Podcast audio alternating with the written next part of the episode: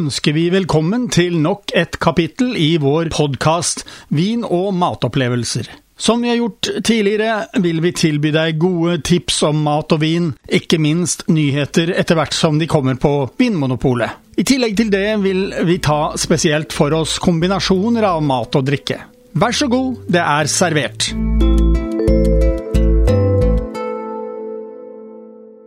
Da er vi i gang igjen med å dele noen av inntrykkene vi har fra de nyheter som nå på starten av året har kommet på Vinmonopolet.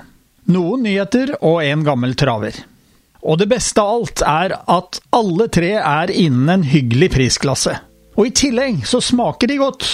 Den første er en ekte franskmann, og de to neste er fra den andre siden av ekvator, nærmere bestemt Chile.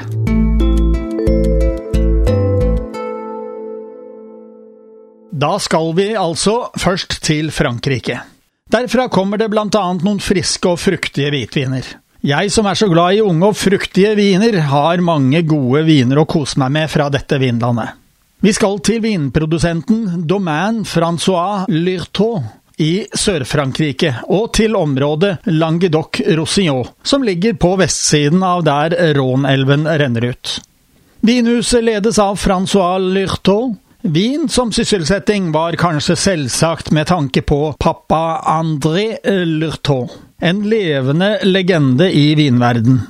På slutten av 80- og 90-tallet jobbet Francois som flying winemaker i Argentina, Chile, Spania og Frankrike. Gjennom dette arbeidet så han et enormt potensial, også utenfor Frankrike. Han begynte å kjøpe vinmarker og bygge opp nye vingårder. Pionerånd og hardt arbeid har gitt suksess, og i dag lager han vin i fire land. Vinen vi har foran oss er Le Fumé Blanche Sauvignon Blanc fra 2019. Den smakte vi også på i sommer, men nå hadde jeg lyst til å smake på den en gang til. Og grunnen til det er at jeg har fått tak i en norsk skjævrost fra Balsfjord. Her snakker vi altså om en hvit geitemelksost, som denne gangen kommer fra Balsfjord.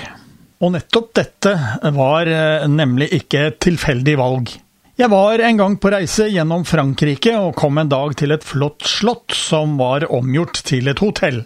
Der ville jeg gjerne spise en bedre middag, og avsluttet eh, dette måltidet med et lite ostefat, blant annet skjævrost.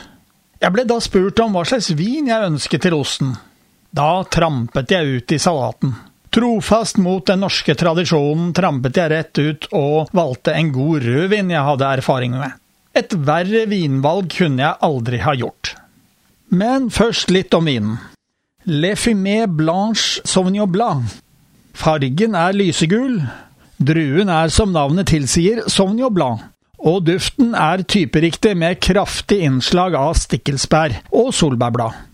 Denne druen gir viner som er slik. Den var også svært frisk, med duft av grønt eple, sitrus og kanskje litt nyslått gress. Veldig mye av dette gikk også igjen i smaken. I munnen føltes vinen rik, med mye smak. Nå er det slik at det er Loire-dalen som er mest kjent for sine Sauvignon Blanc-viner. Og området ned mot Middelhavet har et merkbart annet klima enn det er i Loire-dalen. Det er ikke uten grunn at mange av Frankrikes sommerferieområder befinner seg der nede ved Middelhavets strender. Derfor er det naturlig å tenke seg at viner herfra vil være annerledes enn dem du finner i Loiredalen. Men jeg vil påstå at her har vi et lite unntak, trolig ved god hjelp av en dyktig vinmaker. Kanskje er Sauvignon Blanc-vinene i Loiredalen litt slankere og hakket mer elegante, men jeg vil nå si at vår vin her er typeriktig og meget god.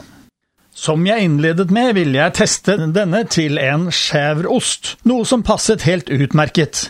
Jeg ville heller ikke nøle med å ha den som en aperitiff. Og har du litt skalldyr også, så tror jeg det hadde gått helt flott.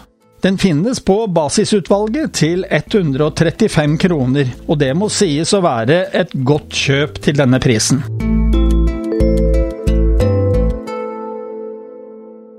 Den neste vinen er også en hvitvin, men altså fra Chile. Denne vinen er en Concha Itoro Chardonnay 2020. Dette er, som navnet tilsier, en annen drue, chardonnay. Druen regnes av mange som verdens beste hvitvindrue, og den dyrkes nesten overalt hvor det lages vin. Vinene er som regel tørre, men varierer mye i stil. Voksested og produksjonsteknikker påvirker smakene i større grad. Du får slanke viner med litt tropisk fruktpreg fra Chile. I Frankrike kan du finne aromaer av eple, sitrus, tomat, melon og urter, men også litt fete brød- eller brioche-aromaer, samt eik- eller vaniljepreg. Vinene har ofte moderat syre, lavere enn eksempel Riesling. I kjøligere strøk blir vinene syrligere enn i varmere strøk. Det er vanligvis moderat til høyt alkoholinnhold. I Frankrike fremhever de regionen eller vinmarken framfor druen. Derfor står det ikke nødvendigvis chardonnay på etiketten. Friskheten og den relativt dempede aromaen gjør chardonnay svært matvennlig, spesielt til fisk og skalldyr. Fyldige viner med preg av bunnfallslagring, såkalt bermpreg, er godt til umamirik mat som hummer, asiatisk mat eller modne kittoster. Så hvordan var nå denne vinen vi hadde her? Fargen gikk mot strågul. Duften ga et friskt og fyldig fruktpreg, litt sitrus og i retning av tropisk frukt. Kanskje en mellomting mellom grapefrukt og mango. Smaken var fruktig, fyldig og ukomplisert. Den hadde et preg av sitrus og modent gult eple. Den hadde ikke det fete preget du finner i viner av denne druen i Bourgogne, heller kanskje mer fruktpreg. Dette var en drikkevennlig og ukomplisert hvitvin. Jeg vil anbefale eh, denne til dem som bare vil ha et glass hvitvin å kose seg med på terrassen. Jeg hadde den sammen med litt tapas av spekeskinke, og det fungerte veldig bra. Hvis du ønsker en fruktig hvitvin til en enkel fiskemiddag, så vil denne kunne passe bra der også. Concha Itoro Chardonnay koster 340 kroner for en treliters kartong. Det ville ha gitt 85 kroner for en flaske, som er svært lav pris for en vin som kommer fra den andre siden av jorda. Du finner den på basisutvalget. Det betyr at de fleste utsalg har den inne.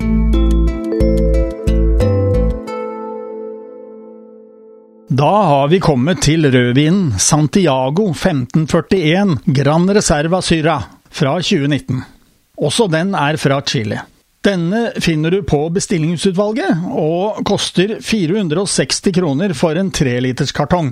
Det tilsvarer 115 kroner for en flaske, en pris som det ikke skulle være noe å si på. Når det er sagt, vil jeg komme med et lite obs, obs.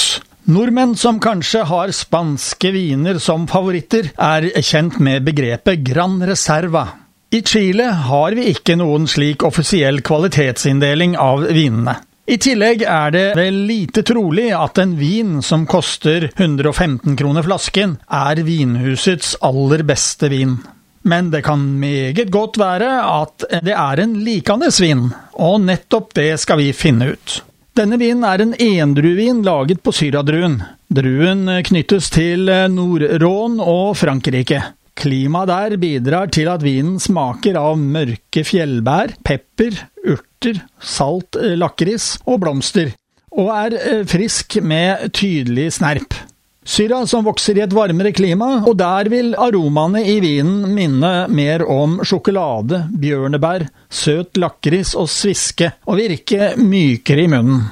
Begge gir fyldige viner med mye smak. Mer kostbare versjoner har ofte tydelig preg av fat. Så hvordan var vår Santiago 1541 Gran Reserva Syra? For det første var fargen dyp, klar og rød. Duften var fruktig, med preg av mørke, røde moreller. Litt duft av bjørnebær fant vi også, og i tillegg til litt krydder. Smaken var også fruktig, med preg av mørke røde bær og litt krydderpreg. I munnen hadde den medium fylde, og i tillegg til en behagelig og lang ettersmak. Den hadde garvestoffer, men de var ikke aggressive. Dette var en ukomplisert vin som vil kunne brukes til litt forskjellig, men ikke for krevende mat. Vi testet den ut til litt tapas av forskjellig slag. Det fungerte meget godt. Og nettopp tapas kan være en god test for denne vinen. Her finner du mange forskjellige smaker av en rekke ulike råvarer. Det var også en vin du godt kunne bruke som drikkevin. Jeg gjetter også at den burde passe til også hvitt kjøtt. Vi vurderer denne vinen til et godt kjøp. Da har du fått dagens podkast fra Radio Riks Oslo om mat og vin. Hvis du ønsker å abonnere på den, slik at du får den automatisk når nye blir lagt ut, kan du gjøre det. Kommende mandag får du neste kapittel. Vi høres!